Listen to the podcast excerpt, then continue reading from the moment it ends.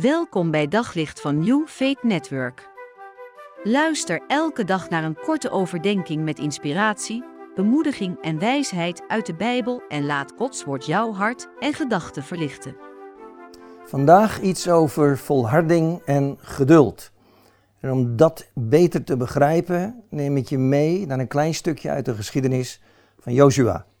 Het staat in Joshua 6, vers 10. Maar Joshua had strijdkreten verboden. Laat uw stem niet horen, had hij gezegd.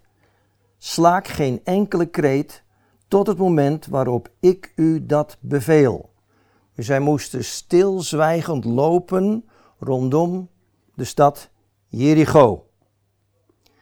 Joshua had de belofte gekregen dat het land in bezit zou worden genomen toen God zei: Elk stuk grond dat jullie betreden, geef ik jullie. Dat land was een gift van God. En toch moesten ze het zelf nog in bezit nemen.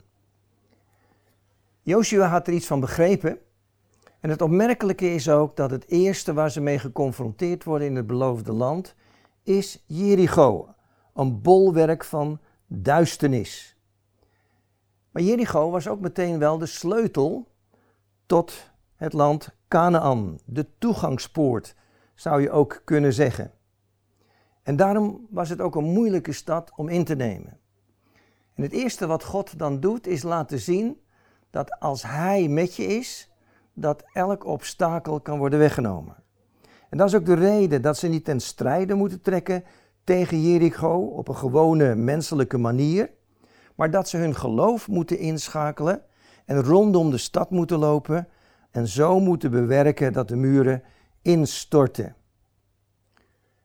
Alleen er is een lastig punt bij. Al die tijd mogen ze niks zeggen terwijl ze rondom die stad lopen. Ze mogen niet met elkaar praten. Ze moeten stil zijn.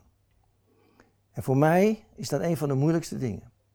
Want wat zou je toch graag met die ander overleggen? Hoe gaat het gebeuren? Moeten we ook niet wat doen? Nee, je moet stil zijn. Je mag niet praten. Je moet gehoorzaam zijn aan de opdracht van God. En daar ben ik bij het woordje waar ik naartoe wil. Gehoorzaamheid is een sleutel tot overwinning. Als wij gehoorzaam doen wat God zegt, komt er ook heel vaak overwinning uit voort. Denk nog even mee.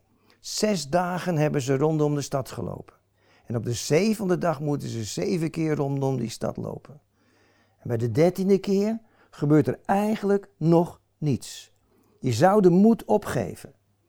Maar na de dertiende keer mogen ze ineens gaan juichen. Ze juichen in geloof. En dan stort de stad in.